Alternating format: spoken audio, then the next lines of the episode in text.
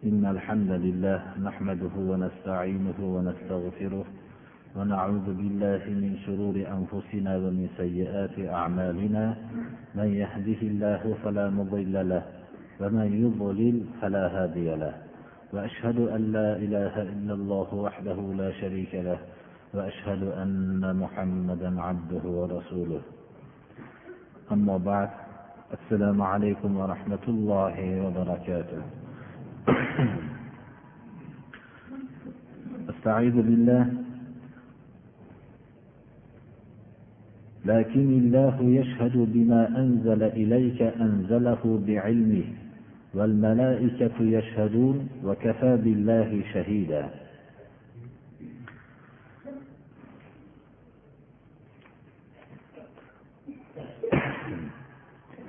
avvalgi darsimizda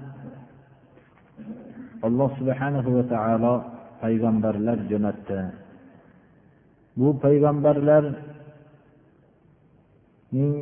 jannatni ollohning hukmiga itoat qilganlarga rasululloh sollallohu alayhi vasallamning olib kelgan shariat yo'llarini qabul qilgan kishilarga jannatni bashoratini berishlik va ollohga itoat qilmasdan olloh tarafidan rasululloh sollallohu alayhi vasallam olib kelgan shariatga itoat qilmagan kishilarga do'zax bilan ogohlantirishlik uchun payg'ambarlar jo'natganligi haqida darsda o'rgangan edik.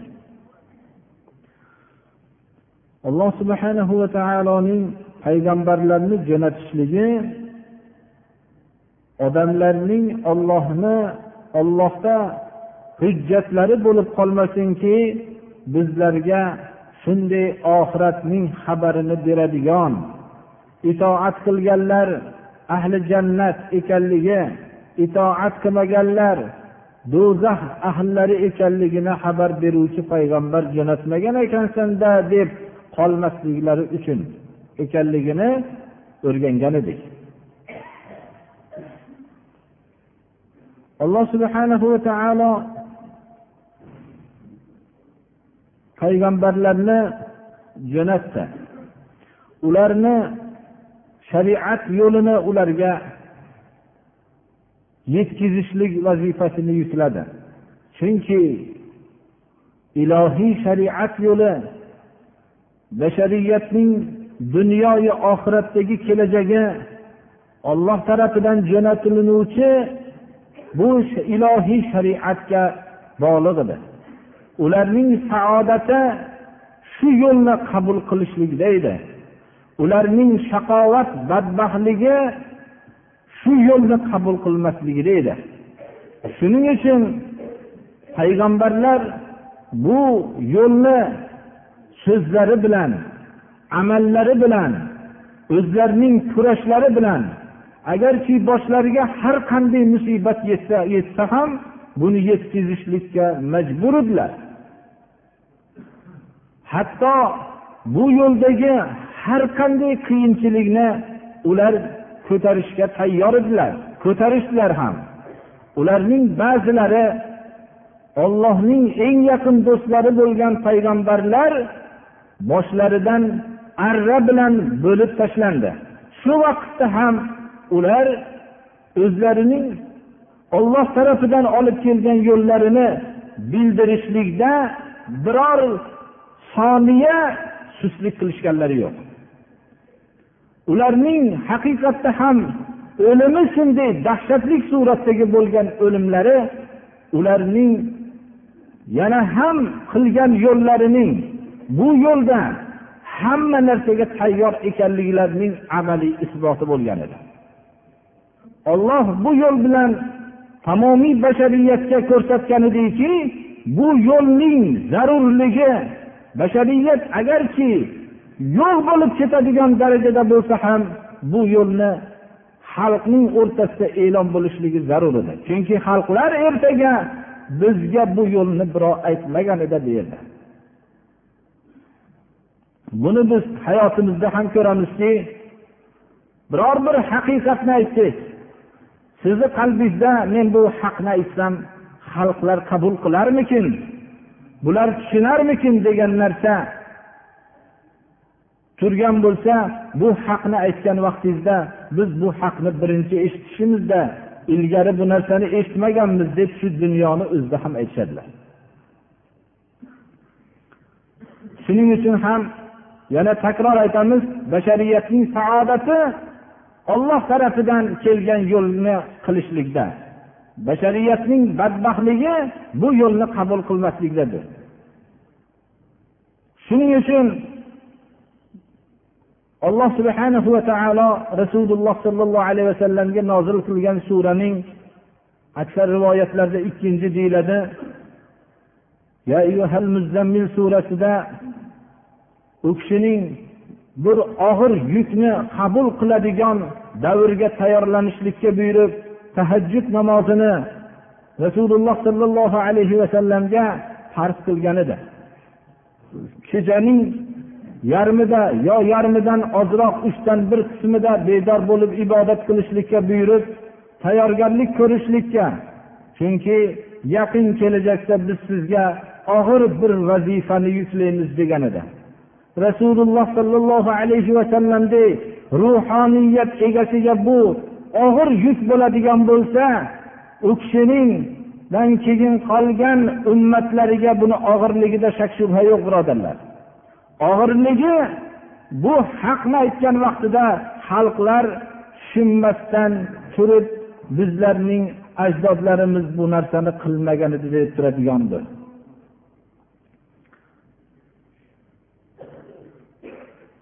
Hatto rasululloh sollallohu alayhi vasallam og'ir kunlarda turganlarida da'vat juda makkada qamal qilingan vaqtida abu tolibni jo'natishdilarki amakilarini yer yuzida eng mehribon bo'lgan kishi abu tolib edi rasululloh sollallohu alayhi vasallamga. Bu kishini yo'liga kirmagan bo'lsa ham yo bu jiyaningizni tinchiting yo bo'lmasam biz sizni bugundan boshlab rioya qilmasdan bu jiyaningizni halok qilamiz deyishdi. Shunda abu tolib kelib ey jiyanim shu aytayotgan so'zlaringni o'zingga cheklagin. Qo'y boshqa odamlarni bu boshqa odamlar seni tushunmayapti. degan vaqtlarda rasululloh sollallohu alayhi vasallam aytdilarki agar oyni o'ng qo'limga oftobni o'ng qo'limga qo'yishsalar chap qo'limga oyni qo'yishsalarki shu ikkovi seniki bo'lsin. Shuni bu gapni to'xtatgin deyishsalar men bu gapni to'xtatmayman. Hatto olloh bu yo'lni g'olib qilguncha yoyinki shu yo'lda halok bo'lgunimcha dedilar. Buni hadisni izohlovchi kishilar ba'zilari agar o'ng qo'limga oftobni qo'yishsalar chap qo'limga oyni qo'yishsalar ham bu ikkovi katta nur egasi bo'lgan katta bir sayyoralarning nuri men olib kelgan nurni berolmaydi deganlari ham deyishgan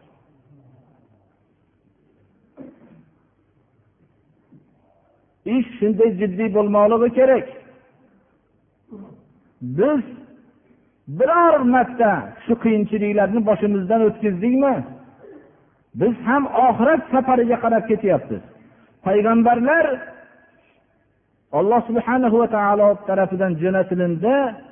Ollohga odamlarning ollohni ustida hujjatlari bo'lib qolmasinki bizga shunday payg'ambar jo'natmabsanda deb qolishmasliklari uchun olloh payg'ambarlarni jo'natdi.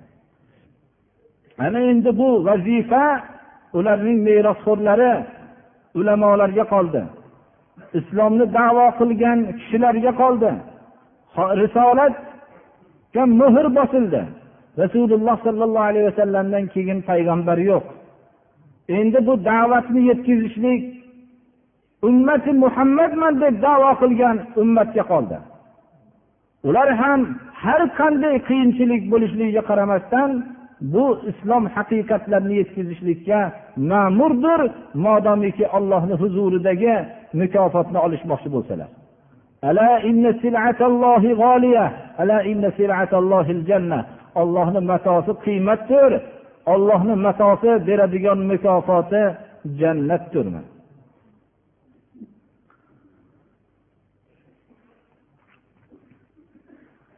rasululloh sollallohu alayhi vasallam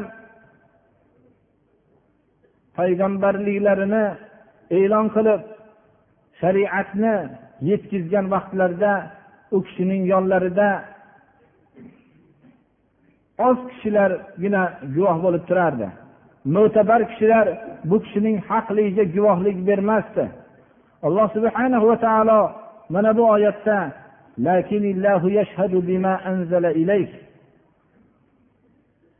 sizni olib kelgan qur'oni karimni olloh tarafidan ekanligiga guvohlik berishmasa siz bunga g'amgin bo'lmang. Olloh sizni siz bilan siz tilovat qilib o'qib berayotgan oyatlarning ollohni kalomi ekanligiga olloh guvohlik beradi. Ollohning farishtalari guvohlik beradi. Olloh o'zini ilmi bilan bu kitobni tushirgan. Ollohning farishtalari guvohlik beradi. O'zi aslida farishtalar ham guvohlik bermasa ollohning guvohligi o'zi kifoya qiladi. Xalqlar o'rtasida biror bir kishini qora qilinayotgan bo'lsa bir hurmatli odam shu odam haq deb xalqning o'rtasida tursa bitta hurmatli odamning guvohligi juda ko'p xalqlarning bo'stonlarini yuvib ketadi birodarlar. Agar yer yuzidagi hamma bashariyat payg'ambarlarni haqligini inkor qilib ularning foydasiga guvohlik bermasa ollohning guvohligi kifoya qiladi. Maloikalarning guvohligi kifoya qiladi. Rasululloh sollallohu alayhi vasallamga bu oyatlar qalblarga tasalli berar edi u kishini yolg'onchi deb u kishini aynigan deb turgan vaqtlarda xalqlar olloh tarafidan shunday tasalli beruvchi oyatlar nozil bo'lardi. إن الذين كفروا وصدوا عن سبيل الله قد ضلوا ضلالا بعيدا. إن الذين كفروا وظلموا لم يكن الله ليغفر لهم ولا ليهديهم سبيلا.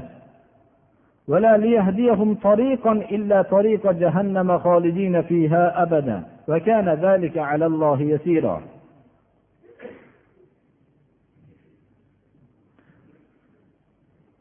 ollohni yo'liga kofir bo'lganlar o'zlarining kufr marazida qolganliklari yetmasdan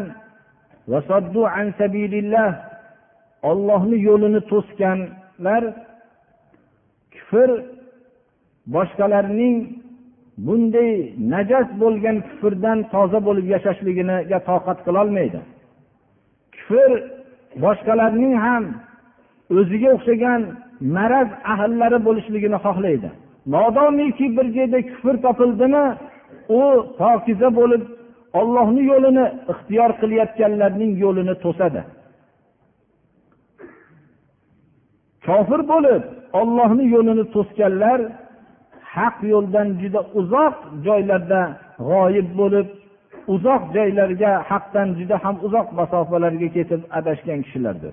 Bularning adashganligida shak shubha yo'qdir. Lekin bu bilan ular qutulishmaydilar. Kofir bo'lganlar va zulm qilganlar.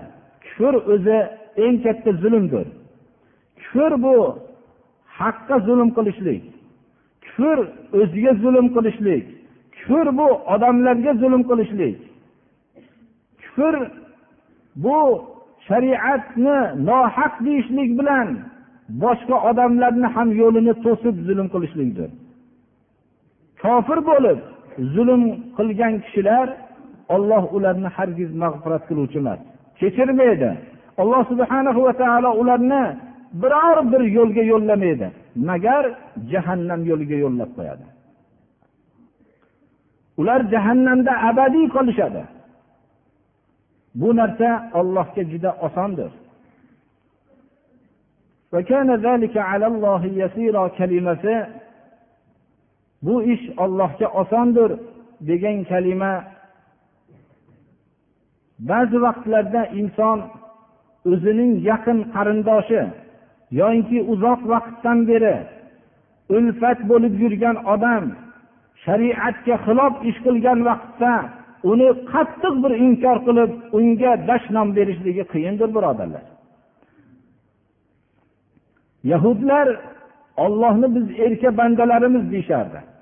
Nasorolar ham shunday deyishardi. Bizlarni ma'lum kunlar biz azobda bo'lamiz xolos deyishardi. Ollohni o'g'illarimiz suyumlilarimiz ham deyishardi. Xuddi hozirgi vaqtda ham biz ollohning suyumli ummati bo'lgan ekanmiz deb yolg'ondan davo qilayotganlarga o'xshagan. Rasululloh sollallohu alayhi vasallamning olib kelgan yo'llarini hayotiga mutlaq tadbiq qilmasdan o'zida hech qanday shariatni ko'rsatmasdan biz ollohni suyumli bandalari bo'lib qolgan ekanmiz deganlar ham xuddi shunday davo quruq davoni qilishayotgan kishilardir. Olloh bizlarga azob bermaydi deyishardi. Alloh subhanahu va taolo ularga qaratib kofir bo'lsa qaysi millatdan bo'lishligidan qat'iy nazar zulm qilsa har qanday xonadondan bo'lishligidan qat'iy nazar har qanday ulug'zodalarning xonadonidan bo'lishligidan qat'iy nazar olloh hargiz ularning gunohini mag'firat qiluvchi emas. Olloh ularni biror bir yo'lga yo'llamaydi magar jahannam yo'liga yo'llab qo'yadi. Bu narsa olloh bilan bandalar o'rtasida hech qanday qarindoshlik yo'q. Olloh bilan bandalar o'rtasida bir qudalik yo'q. Olloh bilan bandalar o'rtasidagi aloqa ulug'iyat va ubudiyat aloqasidir. Olloh hammaning sig'inadigan sig'iniladigan ma'budi bandalar uning abidi qulidir. Boshqa o'rtada vosita yo'q.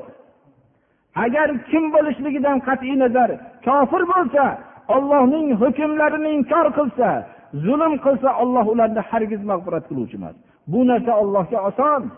Agarki bandalar bir qadrdon bo'lib yurgan odami shariatga xilof bo'ladigan ishni qilsa uning azoblab uni jazosini berishlik qiyin deb tasavvur qilishadilar.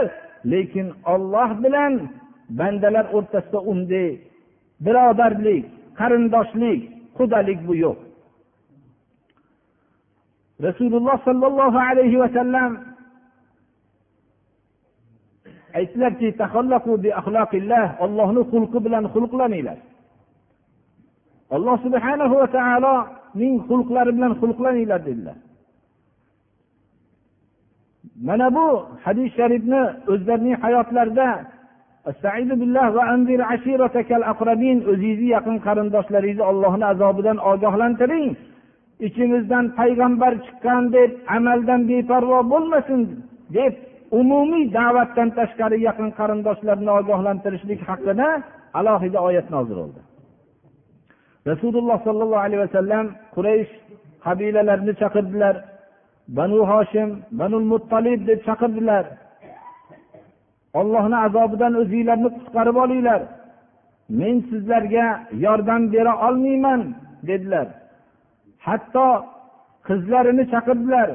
Ahli jannatning sayyidasi deb atalgan fotimati zahro qizlarini chaqirib aytdilarki yo fotima bintu rasulilloh sollallohu alayhi vasallam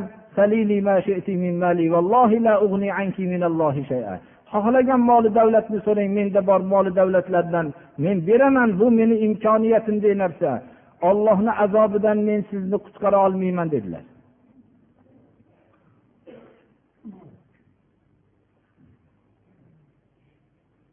Biz ham farzandlarimizga shunday deylik. Ahli ilmlar ulug'zoda xonadonlari o'zining qarindoshlariga shunday desin. Bizning ajdodlarimiz shunga o'tgan ekan. Bizlar begunoh ekanmiz deyayotganlar ham rasululloh sollallohu alayhi vasallamning ogohlantirganligi bilan ogohlanishsin. Olloh bilan bandalar o'rtasida qarindoshlik yo'q. Olloh kofir bo'lib zulm qilganlarni ayamaydi olloh ularga qattiq azoblarni hozirlab qo'ygan. Bu narsa ollohga osondir.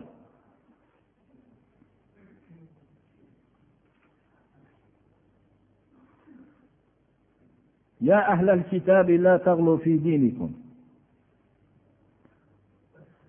يا أيها الناس قد جاءكم الرسول بالحق من ربكم فآمنوا خيرا لكم وإن تكفروا فإن لله ما في السماوات والأرض وكان الله عليما حكيما. ey odamlar sizlar rasul sollallohu alayhi vasallam sizlarga haqni olib keldi rabbiylar tarafidan sizlar iymon keltiringlar. Bu iymon keltirishinglar o'zinglar uchun yaxshidir. Allohga hech buning manfaati yo'q. O'zinglar uchun yaxshilikdir. Agar kofir bo'lsanglar koinoti yerdagi hamma narsa ollohni mulkidir. Olloh bilimdon hikmatli zotdir. Sizlarning hech qanday ibodatinglarga muhtoj emasdir bu iymon keltirishlik o'zinglar uchun yaxshilikdir. يا أهل الكتاب لا تغلوا في دينكم غير الحق. لا تغلوا في دينكم ولا تقولوا على الله إلا الحق. إنما المسيح عيسى ابن مريم رسول الله وكلمته. ألقاها إلى مريم وروح منه فآمنوا بالله ورسله. ولا تقولوا ثلاثة انتهوا خيرا لكم. إنما الله إله واحد. سبحانه أن يكون له ولد له ما في السماوات وما في الأرض. وكفى بالله وكيلا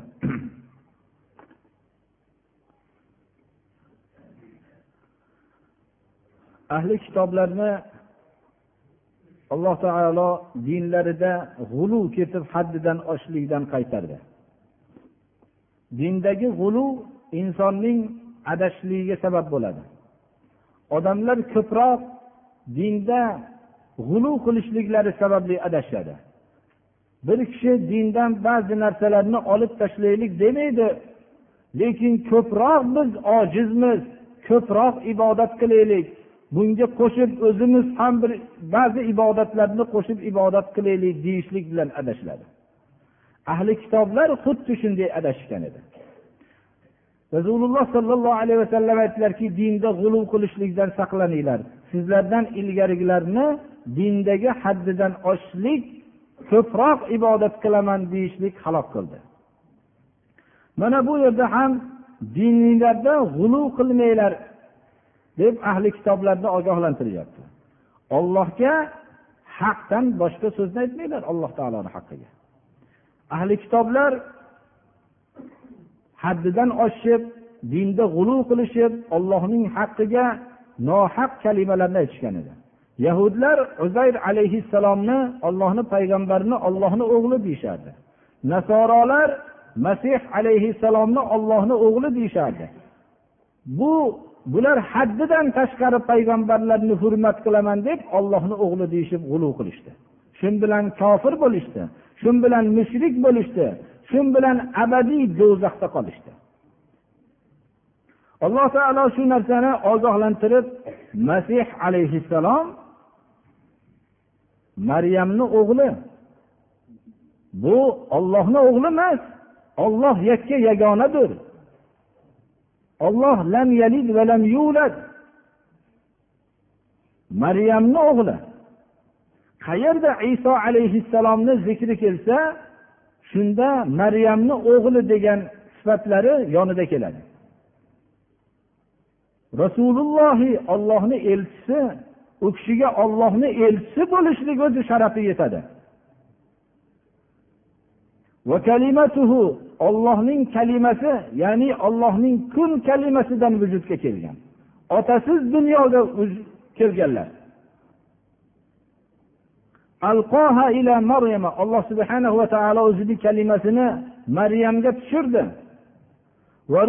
Minhu olloh tarafidan jo'natilingan ruhdir.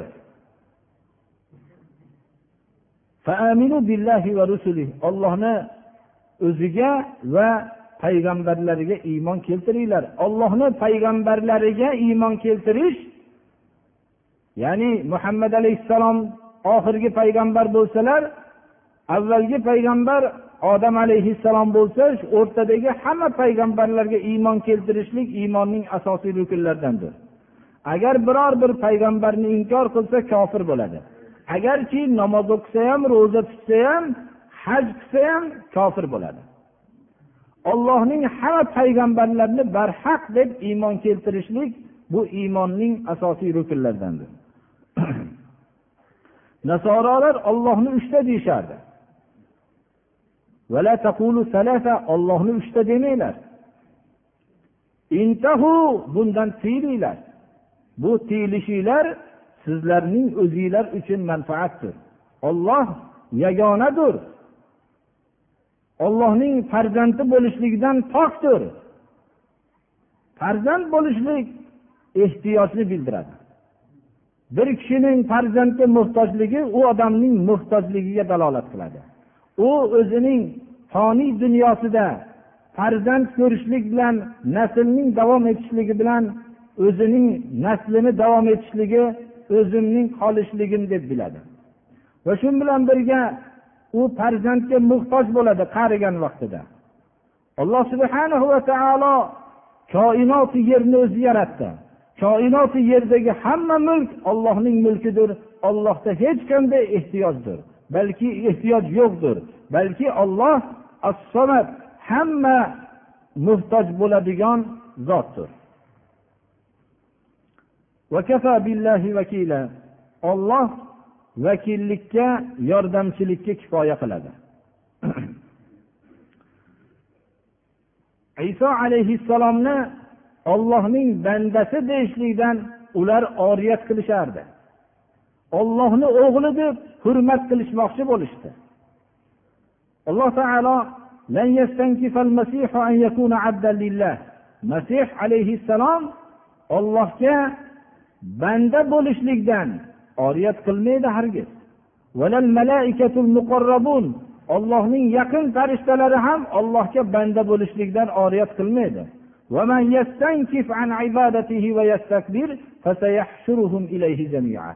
Qaysi bir kishi ollohga banda bo'lishlikdan oriyat qilsa kimki bo'lishligidan qat'iy nazar takabburlik qilsa yaqin kunda alloh subhanahu va taolo o'zining huzuriga hammasini jamlaydi.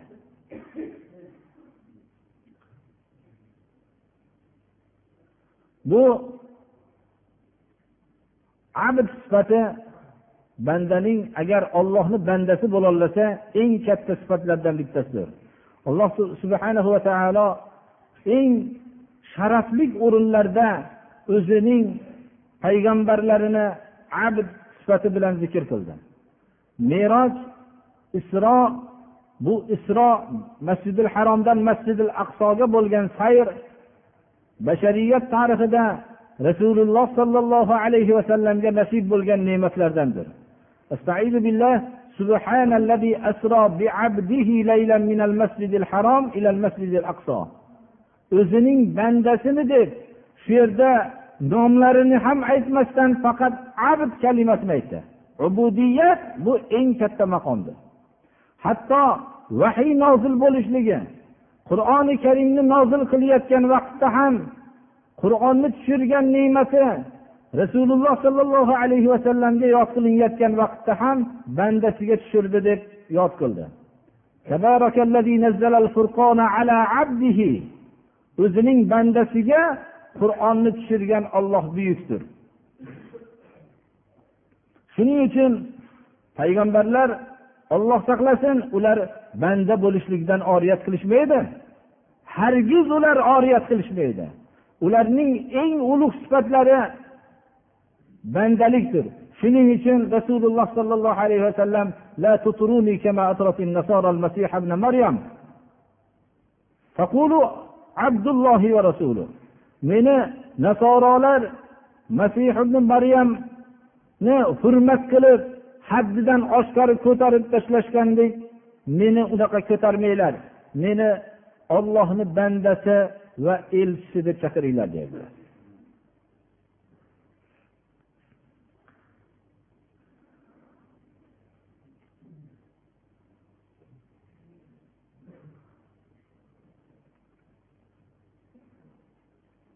bizni tarafimizdagi holatlarning o'zgarishi dinning susayishi ham dinni biror bir qismini olib tashlaylik degan fikr bilan susaygani yo'q birodarlar. Dinga o'zlaricha ko'proq ibodat qilaman deb din tarafidan buyurilmagan narsalarni qo'shishlik natijasida din susaydi vaki roziyallohu anhu aytgan ekanlarki فقد زعم أن محمدا خان الرسالة vaki roziyallohu anhu aytgan ekanlarki kim dinda bid'atni paydo qilgan bo'lsa muhammad alayhissalom risolatga xiyonat qildi deb davo qildi degan ekanlar chunki alloh subhanahu va taolo اليوم أكملت لكم دينكم وأتممت عليكم نعمتي ورضيت لكم الإسلام دينا bugun ne'matimni sizlarga komil qildim islomni sizlarga din qilib ixtiyor qildim degan vaqtda bundan ortiq komil yo'l bo'lishligi mumkin emas. Banda biror bir narsani qo'shadigan bo'lsa dinga u shu yerda nuqsonli bo'lib qolibdi shuning uchun qo'shyapman degan davodan boshqa emasdir. Bu agar shuning uchun ham shu davo bilan shunday qiladigan bo'lsa yo yaxshi niyat bilan qiladigan bo'lsa bid'at yomon haliginday sheri kam bo'lib qolgan degan niyat bilan qilsa kufr bo'ladi bu. Shuning uchun rasululloh sollallohu alayhi vasallam ogohlantirdilarki biror bir dinga qo'shilgan narsani yaxshi demadilar. Dedilar har bir bid'at zalolatdir. Har bir zalolat u egasi do'zaxda bo'ladi dedilar. Shuning uchun ahli kitoblarni alloh taolo ogohlantirar ekan ahli islomlar bundan ogohlanishlari kerak. Shu yerda shu so'zni juda o'rinli deb bilaman. Allohni rahmati bo'lsin muhammad iqbol bu islom shoirlaridan eng katta bir islomga xizmat qilgan kishilardan bu kishi dadasi haqida o'ylab aytgan ekanlarki dadamning menga qilgan nasihatlaridan foydalanganligim nasihatlarni ichida eng foydalanganligim shu so'z bo'ldi degan ekanlar. Qur'onni xuddi o'zingizga nozil qilinayotgan deb his qilib o'qing degan ekanlar. Har bir kalimada sizga ulush bordir degan ekanlar. Agarki rasululloh sollallohu alayhi vasallamga nozil bo'lgan bo'lsa ham hukmlar o'tgan voqealarni zikr qilyapti deb o'qimasligimiz kerak birodarlar. Biz bizning ahvolimiz haqida ekanligini qur'onning abadiy kitob ekanligini esdan chiqarmasligimiz kerak. Masalan hozirgi darsimizda o'tgan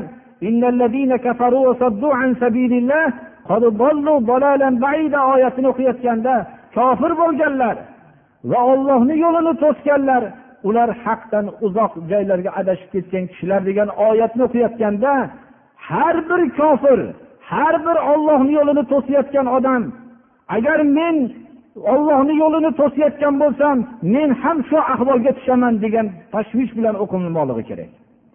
Iymon keltirgan kishilarga alloh subhana va taolo jannotil firdavsni hozirlab qo'ygan degan vaqtda o'qiyotganda men iymon keltirganlardanman inshaalloh. Men o'zim iymon keltirgan kishilar bo'lar ekanman. Albatta iymon haqqan iymon keltirganman.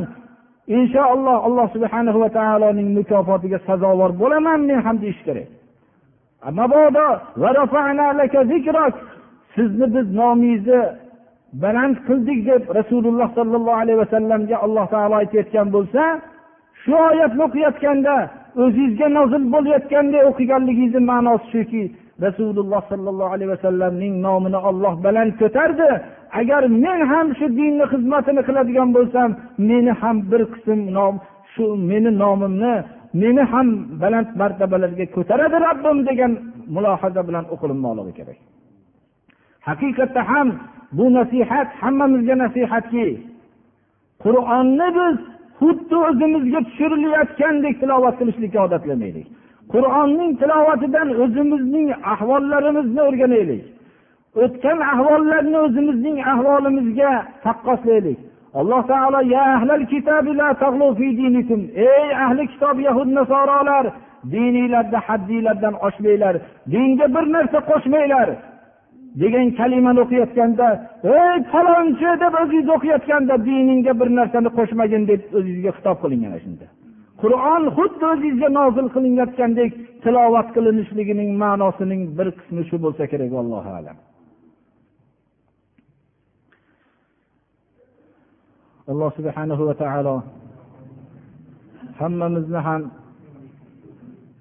hozirgi darsdan foydalantirishlikka alloh taolo nasib qilsin. To'g'ri yo'lga alloh taolo yo'llasin. To'g'ri yo'ldagi kishilarni to'g'ri yo'lda barqaror qilsin. to'g'ri yo'ldan gumroh bo'lib yurganlarni alloh to'g'ri yo'lga yo'llasin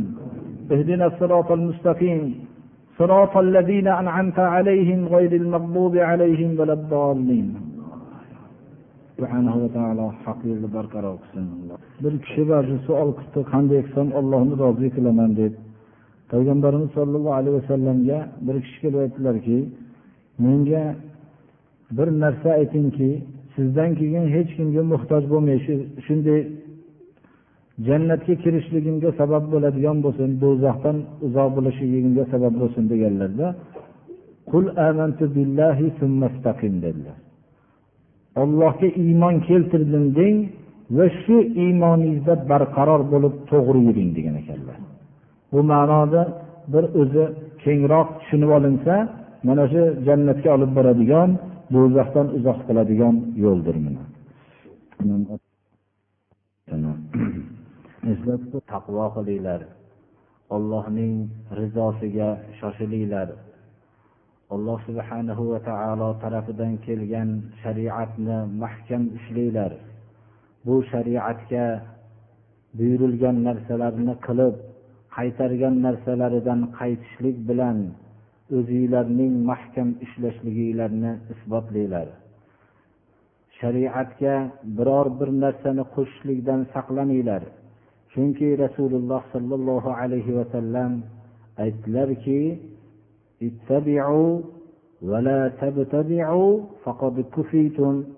sizlar shariatga ergashinglar yangilik ixtiro qilmanglar. Sizlarni yangilik ixtiro qilishlikdan olloh o'zi sizlarni ozod qildi deyapti rasululloh sollallohu alayhi vasallamga shariati islomiya kelgan vaqtda yigirma uch yil risolat davrini o'tkazdilarda risolat davrining oxirida alloh subhanahu va taolo u kishiga اليوم أكملت لكم دينكم وأتممت عليكم نعمتي ورضيت لكم الإسلام دينا bugun men ne'matimni komil qildim sizlarga. Islomni sizlarga din qilib ixtiyor qildim deb shu mazmundagi oyatni nozil qildi. Demak din komil bo'ldi. Bunga bir narsani qo'shgan odam bilan dindan bir narsani olib tashlagan odamni farqi yo'q. Ikkovi ham xato qilgan ikkovi ham zalolatdagi kishidir. Shuning uchun alloh subhanahu va taolo bizlarni ogohlantirdiki ahli kitoblarning g'uluv qilib dinni boy berib qo'yganligini g'uluv sababli ularning adashib ketganligidan bayon qilib bizlarni ogohlantirdi استعيذ بالله يا أهل الكتاب لا تغلوا في دينكم ولا تقولوا على الله إلا الحق إنما المسيح عيسى بن مريم رسول الله وكلمته ألقاها إلى مريم وروح منه فآمنوا بالله ورسله ولا تقولوا ثلاثة انتهوا خيرا لكم إنما الله إله واحد سبحانه أن يكون له ولد له ما في السماوات وما في الأرض وكفى بالله وكيلا deb xitob qildi rasululloh sollallohu alayhi vasallamni shariatda mustaqim bo'lib barqaror bo'lishlikka buyurganda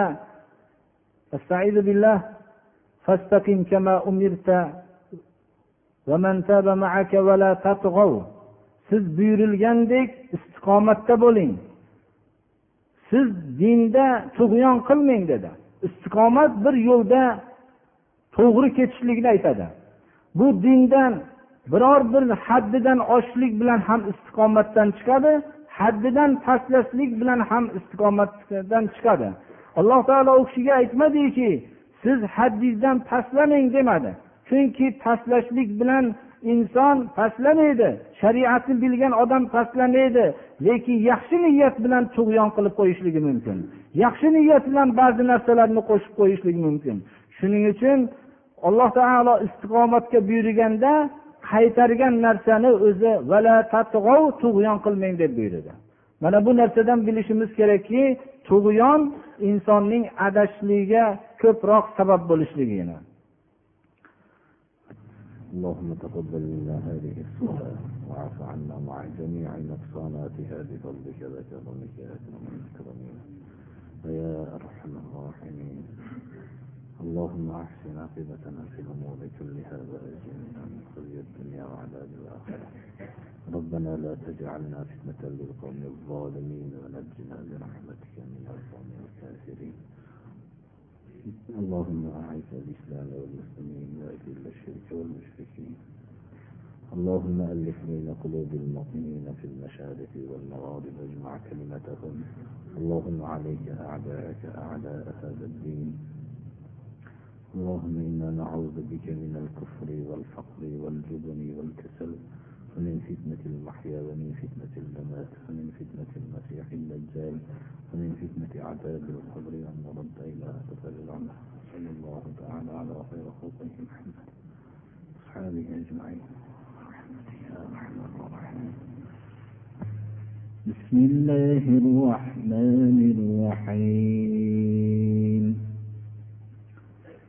إن